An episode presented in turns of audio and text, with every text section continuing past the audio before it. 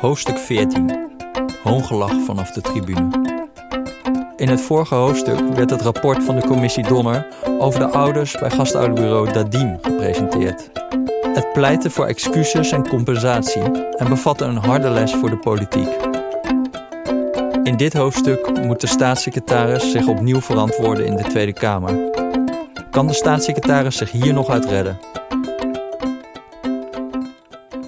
Peter, het lijkt een enorme chaos in Den Haag. Klopt dat beeld een beetje? Journalisten Peter Kay en Francisco van Jolen zijn te gast in het radioprogramma De Nieuws PV. Onder leiding van Patrick Lodiers blikken ze vooruit op de politieke week. Nou, het is wel spannend, zegt Kay. Ik heb wel rustigere weken meegemaakt. Gisteren was het een komen en gaan van mensen in de wandelgangen. Een ouderwetse drukte met spanning en het gevoel: gaat het kabinet deze week overleven? De positie van minister van Defensie Ank Bijleveld van het CDA wankelt door burgerdoden in Hawija. VVD-fractieleider Klaas Dijkhoff zit in de problemen vanwege zijn wachtgeld. En staatssecretaris Menno Snel moet zich opnieuw verantwoorden over de toeslagenaffaire. In de laatste vier minuten van de radio-uitzending bespreken de politieke duiders het Kamerdebat met Snel, dat op 4 december zal plaatsvinden. Kan staatssecretaris Menno Snel zich hier nog uitredden? vraagt Lodiers. Nou, als hij dat doet, dan vind ik wel dat hij een lintje kan krijgen. Als er deze dagen iemand moet sneuvelen, dan komt hij toch wel in aanmerking, zegt Van Jolen. We hebben het hier over iets heel ernstigs, hè? Wat die mensen overkomen is door de Belastingdienst, is het ergste wat je kunt bedenken. En hij weigert daar informatie over te geven, houdt daar informatie over achter. Peter K. Uiteindelijk moeten de coalitiepartijen ook zeggen hij moet weg. En ik denk, Lodiers, er is van alles aan de hand hè, bij de Belastingdienst. Ook een angstcultuur. Peter K. Ja, maar er moet ook iemand zijn die het beter zou kunnen uitvoeren. Het gekke is dat men in Den Haag nog denkt: hij doet zijn best er iets van te maken. En hij zit opgescheept met een dossier dat niet oplosbaar is. En dan moet er bij de coalitie nog de wens zijn om hem weg te sturen. Terwijl ze daar het idee hebben, Lodiers, er moet ook wel vertrouwen zijn hè, in de politiek bij de mensen die belasting moeten betalen. Het kan zo zijn dat de heer Snel de meest gekwalificeerde is, maar gewoon niet meer geloofwaardig is. Peter K. Dat vertrouwen zal hij in het debat moeten herwinnen. En als hij toch valt, dan is het duidelijk dat er maar één man is die hem kan opvolgen: Pieter Omtzigt. Lodiers, ik dank jullie beiden hartelijk. Francisco van Jolen en natuurlijk Peter K. De voice-over. Meer over de Nieuwsbv, volg ons op Instagram. Lodiers, Katten zijn de grootste uitroeiers van diersoorten ter wereld. Den Haag, Tweede Kamer, woensdag 4 december 2019. De publieke tribune van de Tweede Kamer zit vol met ouders. Niet alleen ouders van Dadim, maar ook ouders die in het zwartboek van de SP stonden. En zelfs ouders van gastouderbureau De Appelbloesem en De Parel. Pieter Omtzigt trapt het debat af. Voorzitter, het is indrukwekkend om van ouders te horen welk effect het stoppen van toeslagen, het niet weten waar je aan toe bent, op individuele levens heeft. Afpakjesdag klinkt abstract, maar niet als het je jaar na jaar overkomt. Hij verwijst naar de uitspraak van de Raad van State. Binnen een half jaar, zegt hij, moet de regering met nieuw beleid komen. Maar mag ik ervan uitgaan dat in de tussentijd niemand meer de hele toeslag moet terugbetalen omdat er 50 of 100 euro naast zit? Wie de grootste schurk is, staat voor omzicht nog steeds vast. Wanneer precies heeft de Belastingdienst zich niet aan welke wet gehouden? vraagt hij. Dat is natuurlijk de kern van wat hier is gebeurd. Wie heeft besloten dat je bezwaarschriften een jaar lang vasthoudt? Wat gaat er gebeuren met mensen binnen de Belastingdienst die zich willens en wetens niet aan de wet gehouden hebben? Een paar Kamerleden kijken met een andere blik naar de toeslagenaffaire dan omzicht. Zo bespeurt Steven van Weyenberg van D66 een patroon in de manier waarop de Kamer reageert op incidenten. Als ik als lid van de Commissie Sociale Zaken bijvoorbeeld zie wat dan in de volksmond de Polenfraude is gaan heten, moeten we echt oppassen om weer stoere teksten uit te spreken en stoere maatregelen te nemen en dat ook van bewindslieden te vragen. De goede mogen niet onder de kwade lijden.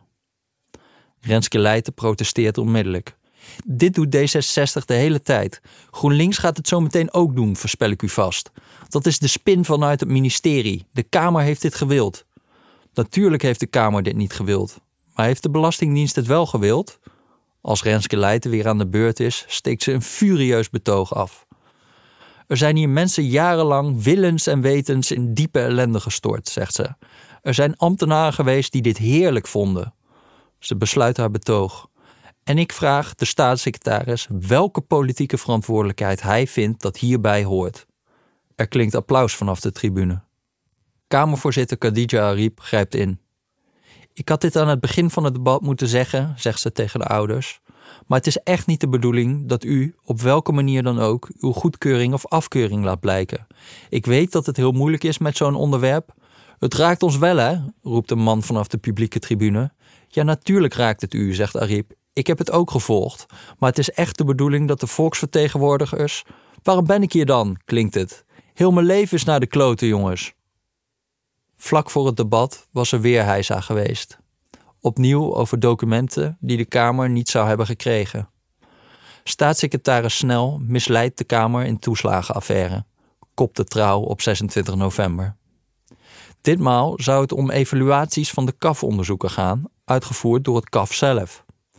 Volgens journalist Jan Klein bleek uit deze documenten dat de werkwijze van de fiscus de afgelopen jaren compleet ontspoorde. Pieter Omtzigt had daarop geëist dat de evaluaties onmiddellijk openbaar werden gemaakt. Staatssecretaris Menno Snel had eigenlijk willen wachten met het vrijgeven van de CAF-evaluaties tot het tweede rapport van de commissie Donner, dat over alle kinderopvangtoeslagzaken zou gaan. Maar goed, als Omtzigt het nu al wenste, bij deze de 224 pagina's aan CAF-evaluaties.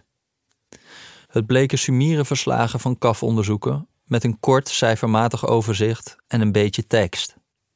Er viel moeilijk iets uit op te maken. De rapporten stonden vol met teksten als aanleiding, mogelijk misbruik van de kinderopvangtoeslag.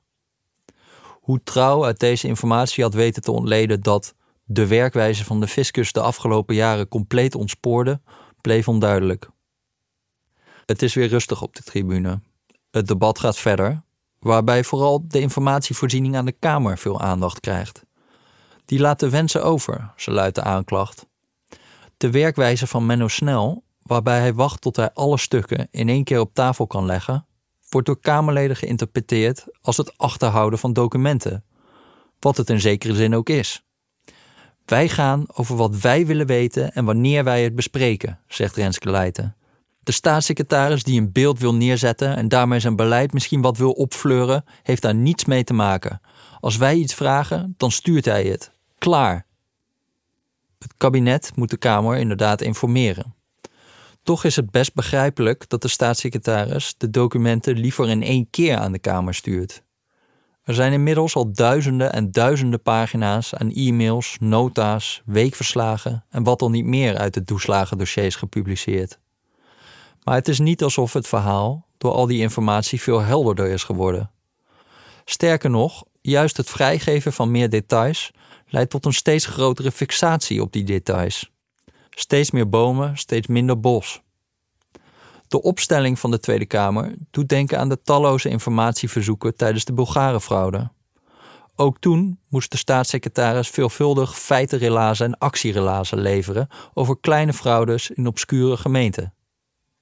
Er werden honderden pagina's geopenbaard, maar voordat die informatie goed en wel verwerkt was, eiste de Kamer alweer een nieuwe golf van informatie. En wanneer een minister of staatssecretaris niet snel genoeg over de brug kwam of naliet een van de talloze gevraagde stukken op te sturen, dan werd er direct uitgegaan van kwade wil. We hebben drie keer om een overzicht toeslagenfraudes gevraagd en kregen het niet. Doelbewust achtergehouden dus twitterde Omtzigt in de tijd over staatssecretaris Wekers. Er waren zeven brieven en veel gelekte rapporten nodig om de waarheid boven tafel te krijgen, klaagde hij tijdens een Kamerdebat. Maar wat voegde al die informatie nu eigenlijk toe? Ging het nu echt om die feitenrelazen? Of was het eindeloze opvragen van documenten een manier om de verhaallijn van de whodunit in stand te houden en steeds opnieuw te kunnen zeggen: wij vinden fraude heel erg? Een Kamerlid dat veel stukken opvraagt, kan rekenen op sympathie bij de pers en het grotere publiek. Zie je wel, klinkt het dan. Dit Kamerlid controleert tenminste de macht. Hierbij is meer waardering voor het opeisen van de informatie dan voor het interpreteren van die informatie. Over de inhoud van de stukken gaat het veel minder. Je kunt een document als een explosief memo bestempelen of een achtergehouden stuk en je trekt meteen de aandacht. Kamerlid vraagt om stuk, Kamerlid krijgt stuk niet, ergo achterhouden, verbloemen, verzwijgen. Voor wie een onderliggend dossier niet kent, is het vrijwel onmogelijk om zo'n explosief memo in context te plaatsen en te beoordelen of het ook echt explosief is. De reeks verhalen van Trouw en RTL over het achterhouden van de stukken berust steeds op dezelfde hypothese. Menno Snel probeert de toeslagenaffaire zo klein mogelijk te houden. Elk beetje informatie dat zijn ministerie niet levert, hoe onbeduidend ook, wordt gezien als een bevestiging van die hypothese. Maar klopt die hypothese wel? Snel heeft in de Kamer gezegd dat hij geen vrede heeft met de uitkomst van de rechtszaken. Daarmee trekt hij de affaire juist veel breder dan de Kamerleden die zich enkel richten op het onrechtmatig handelen van de Belastingdienst. De stem van de staatssecretaris klinkt vermoeid tijdens het debat. U wilt heel hard blijven zitten op dat onrechtmatige gedeelte, zegt hij tegen Henk Nijboer van de PvdA als het Kamerlid blijft vragen welke wetten zijn overtreden. Snel verzekert hem: Het is erger dan dat, het is erger dan dat. Als twee mensen iets onrechtmatigs hadden gedaan, hadden we het aan kunnen pakken en dan was het over geweest. Was het maar zo. Zelfs als er binnen de wet was gehandeld, dan nog was de uitkomst voor veel ouders dezelfde geweest. Menno Snel doet hier het tegenovergestelde van het klein houden. Niet voor niets heeft hij de auditdienst Rijk en de commissie Donner al maanden eerder aan het werk gezet om onderzoek te doen naar de vraag hoe groot de toeslagenaffaire is. Zijn houding contrasteert stevig met die van zijn voorgangers, Frans Wekers en Erik Wiebes, die zich telkens achter de wet en de rechtspraak verscholen. Maar juist doordat Snel zijn nek uitsteekt, wordt hij steeds harder aangevallen door pers en politiek. Vrijwel niemand luistert nog naar de betogen van Snel en de analyses van de commissie Donner. Zoals Wekers ten tijde van de Bulgarenfraude werd aangesproken op fraude met adresregistraties, registraties waar niet zijn ministerie, maar het ministerie van Binnenlandse Zaken over ging, zo wordt Menno Snel nu aangevallen vanwege problemen met wetgeving waar hij slechts deels over gaat. En al die tijd wordt er niet één Kamervraag gesteld aan de staatssecretaris van Sociale Zaken en Werkgelegenheid over de toeslagenaffaire. De situatie waar het ministerie van Financiën steeds voor vreesde, is uitgekomen. De eerste regel voor ambtenaren op het ministerie luidt: bescherm je bewindspersoon. Maar het is niet gelukt om de staatssecretaris uit de wind te houden. Integendeel, zijn agenda wordt opgeslokt door de toeslagenaffaire. Iedere week is er weer iets nieuws. Steeds is er weer een stuk dat achtergehouden zou zijn, of een opmerking van een ambtenaar van jaren terug die uitgelegd moet worden. En ondertussen draait alles gewoon door. De werkbezoeken, de debatten, de ministerraden, zelfs dat verdraaide aantal 2. Het debat is al bijna twee uur bezig als Eppo Bruins van de ChristenUnie aan het woord komt. Bruins legt eloquent uit wat er mis is met het toeslagenstelsel. Eerder was fraude het probleem, nu is het omgekeerde het probleem. Als vooraf controleren leidt tot ellende en als achteraf controleren leidt tot ellende, moeten we dan niet met z'n allen concluderen dat het toeslagenstelsel failliet is? Zo vraag ik de staatssecretaris. Ook dit is geen nieuw geluid. Elke keer als er in de afgelopen 15 jaar een probleem was met de toeslagen, dan stond er wel een minister of Kamerlid op met het visionaire voorstel om het hele toeslagenstelsel dan maar af te schaffen. Het probleem is dat het toeslagenstelsel afschaffen vreselijk ingewikkeld is. Niet voor niets is iedere poging om er vanaf te komen een doodlopende weg gebleken. Wie bijvoorbeeld echt af wil van de kinderopvangtoeslag en niet met halfbakken variaties op hetzelfde thema wil komen, zal af moeten van de marktwerking in de kinderopvang. De opvang zal dan direct met belastinggeld bekostigd moeten worden, zoals bijvoorbeeld in Zweden gebeurt. Dat kan, maar stuit natuurlijk direct op allerlei dilemma's. Er zijn inmiddels honderdduizenden ouders en duizenden ondernemers gewend aan het huidige stelsel. Het is niet alsof de Nederlandse kinderopvang als dramatisch slecht te boek staat. Integendeel. En als de overheid de kinderopvanginstellingen voortaan rechtstreeks zou moeten aansturen, dan is de vraag gelijk: wie moet dat dan gaan doen? Wie heeft daar ervaring mee? Wat zal er allemaal misgaan op de weg van hier naar Zweden? Het is ook maar de vraag of de ernstige problemen van tienduizenden ouders voldoende aanleiding zijn om een heel toeslagenstelsel om te gooien waar 5 miljoen huishoudens mee te maken hebben. Helemaal als je bedenkt dat de problemen van die tienduizenden ouders niet per se voortkomen uit het toeslagenstelsel, maar eerder uit tien jaar aan keiharde uitspraken van de Raad van State aan de hand van drie zeer specifieke wetsartikelen.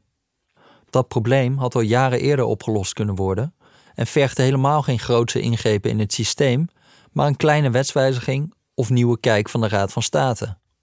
Bij het dromen over een totaal nieuw stelsel wordt al snel vergeten dat elk alternatief nieuwe nadelen zal hebben. De complexiteit van het toeslagenstelsel wordt veroorzaakt door twee begrijpelijke politieke wensen. 1. De wens om zo gericht mogelijk toeslagen te verstrekken, alleen voor de mensen die het echt nodig hebben. En 2. De wens om tijdig toeslagen te verstrekken. Toeslagen baseren op het huidige inkomen, de huidige gezinssituatie, de huidige huur, kinderopvang of zorgkosten. Allebei die wensen schuren met de eenvoud. Het is makkelijk om te roepen, zoals Kamerlid Bruins doet, dat het toeslagenstelsel failliet is en aan vervanging toe is. Het is veel moeilijker om aan te geven welke nadelen we als samenleving bereid zijn te accepteren in een ander stelsel. Wat denk jij, Peter? Gaat snel de dag overleven? vraagt Patrick Lodiers die middag in de Nieuwsbv aan politiek duider Peter K., die opnieuw bij hem te gast is. Waarschijnlijk wel, denkt K. GroenLinks liet al heel snel weten een motie van wantrouwen niet te gaan steunen, zegt hij. Bart Snels van GroenLinks is inderdaad niet uit op de val van Menno Snel. Dat besluit was voor hem niet makkelijk. Of om precies te zijn, het was niet makkelijk geweest om zijn eigen fractie te overtuigen dat steun voor een motie van wantrouwen onverstandig zou zijn. Voorzitter, begint Bart Snels zijn bijdrage als het debat verder gaat.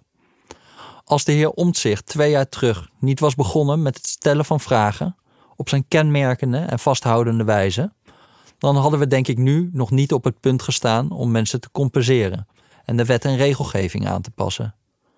Daarvoor verdient hij erkenning en waardering. Maar dan vervolgt hij. Er is een verschil in de wijze waarop we tegen deze zaak aankijken. Voor mij gaat het niet alleen om de fouten van de Belastingdienst. Het gaat ook om de verantwoordelijkheid die wij en onze voorgangers in de Kamer hebben voor het bouwen van een toeslagenstelsel en het snoei, snoei, snoeiharde fraudebeleid. Ging het maar alleen om fouten van de Belastingdienst, dan was een oplossing veel gemakkelijker. Bart Snels gaat door. Ik denk dat het voor de hand ligt om bijvoorbeeld middels een parlementaire ondervraging juist de politieke verantwoordelijkheid te onderzoeken. Straks weten we, na de rapporten die nog komen, alles over hoe het bij de Belastingdienst fout ging maar wassen we onze politieke handen in onschuld. Renske Leijten staat geïrriteerd bij de interruptiemicrofoon.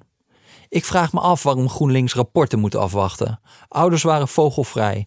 De overheid beschermde niet de burgers, maar viel hen aan, viel hen af en stortte hen in diepe ellende. Hoort daar niet politieke verantwoordelijkheid voor genomen te worden?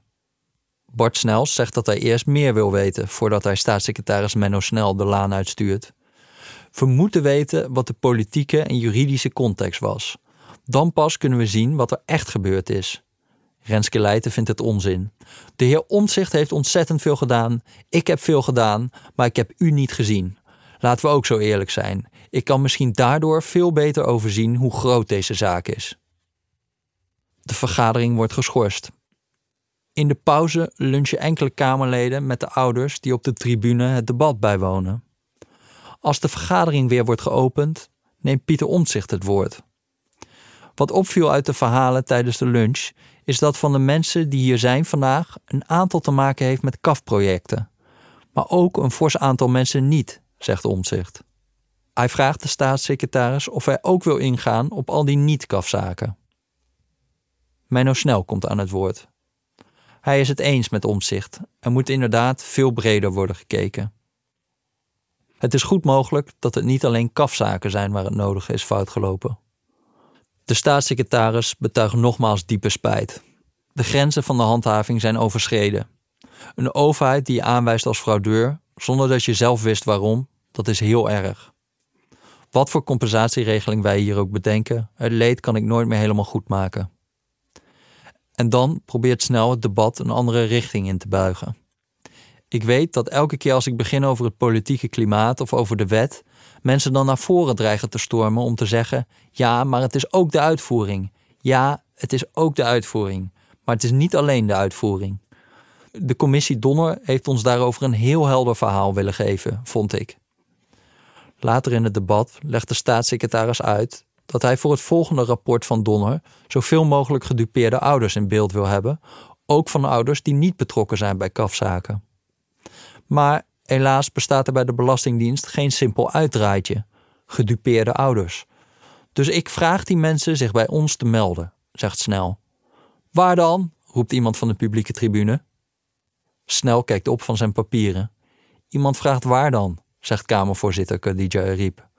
Nou, bijvoorbeeld bij de belastingtelefoon, zegt de staatssecretaris opgewekt. Er klinkt hoongelach en cynisch applaus van de publieke tribune. Word ik uitgelachen? Snel kijkt wat verdwaasd. Voorzitter, hij begint nerveus te lachen. Voorzitter, blijkbaar maak ik dan een wrang grapje? Snel zal nog uitleggen dat er bij de belastingtelefoon inmiddels uitgebreide instructies klaar liggen om ouders te vertellen wat ze kunnen doen om hun zaak aan te kaarten. Maar natuurlijk is het de eerdere, stamelende scène die ieder praatprogramma, iedere nieuwsshow en ieder radio-item zal halen. Als in het debat de tijd is aangebroken voor het indienen van moties, roept Renske Leijten het hoongelach van de ouders in herinnering. De kloof tussen beleid, intenties en wat gevoeld wordt was hier zichtbaar en voelbaar, zegt Leijten. Het was gênant. Ze sluit af met: Gehoord de beraadslaging, zegt het vertrouwen in de staatssecretaris op en gaat over tot de orde van de dag. 46 Kamerleden van SP, PvdA, Partij van de Dieren, PVV, DENK, 50PLUS en Forum voor Democratie stemmen voor. 85 Kamerleden van GroenLinks, D66, CDA, VVD, ChristenUnie en SGP stemmen tegen. Menno Snel mag aanblijven. Het debat waarin de vertrouwenskwestie van de staatssecretaris op tafel lag, krijgt de volle aandacht van de parlementaire verslaggeving. In hun populaire podcast De Stemming van Vullings en Van der Wulp over de Haagse politiek analyseren Joost Vullings en Xander van der Wulp van de NOS het optreden van de staatssecretaris. Veelzeggend, vindt Van der Wulp het belastingtelefoonfragment. Dit pleit niet voor snel. Naarmate het debat vorderde, vond ik ook dat hij te veel achter de Belastingdienst ging staan, oordeelt Vullings. Het is natuurlijk een bureaucraat, vult Van der Wulp aan. Ja, het is een oud-ambtenaar, zegt Vullings. Vullings constateert verder dat snel veel haar is verloren en mager oogt. Blijkbaar raakt de zaak hem, wat weer voor hem zou pleiten. Ik had het toch niet raar gevonden als er verantwoordelijkheid was genomen, concludeert Van der Wulp. Verantwoordelijkheid nemen is het codewoord voor opstappen, de biezen pakken, wegwezen. Ben ik eigenlijk wel met je eens, antwoordt Vullings. De toon is gezet.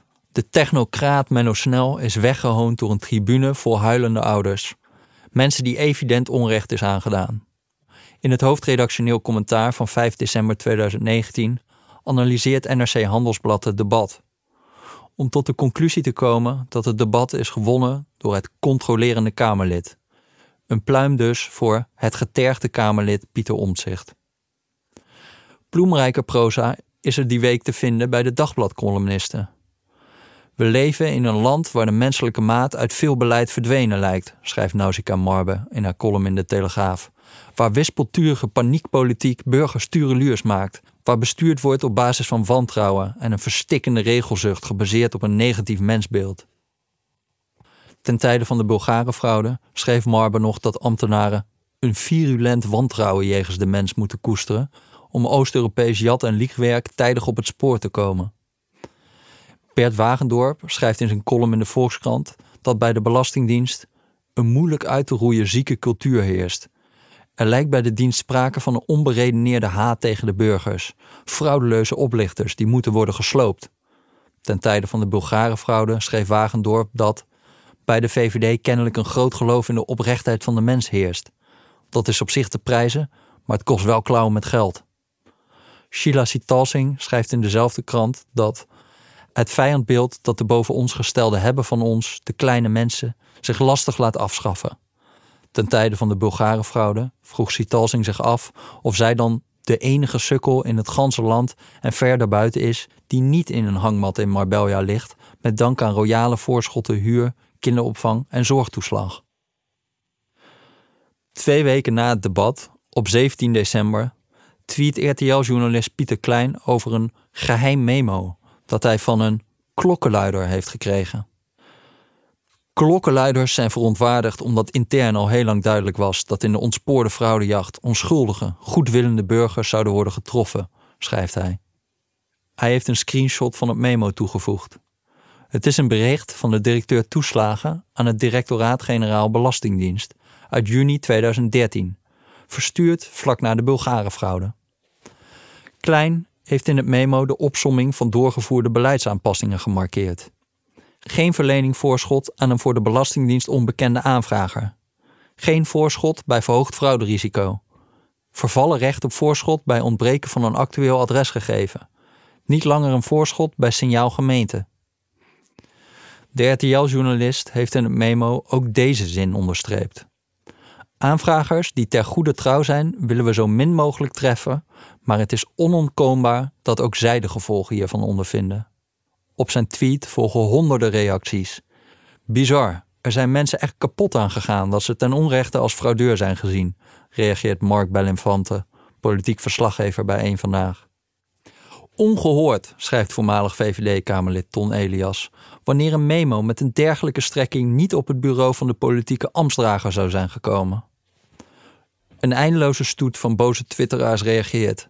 Schofte! Ongehoord! Wat een beerput! Hashtag horrorclub.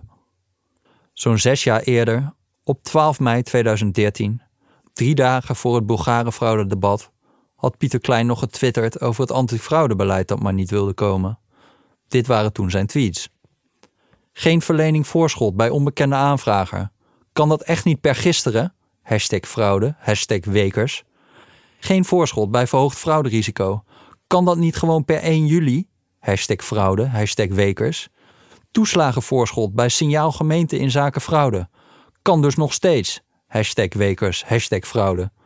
Waarom is de Belastingdienst pas in april 2013 begonnen met het uitnodigen van mensen waar onjuiste aanvraag wordt vermoed? Hashtag wekers.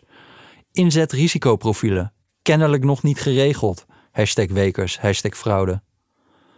De mededelingen in het zogenaamde geheime memo zijn de kernpunten van het beleid dat Frans Wekers in 2013 aankondigde.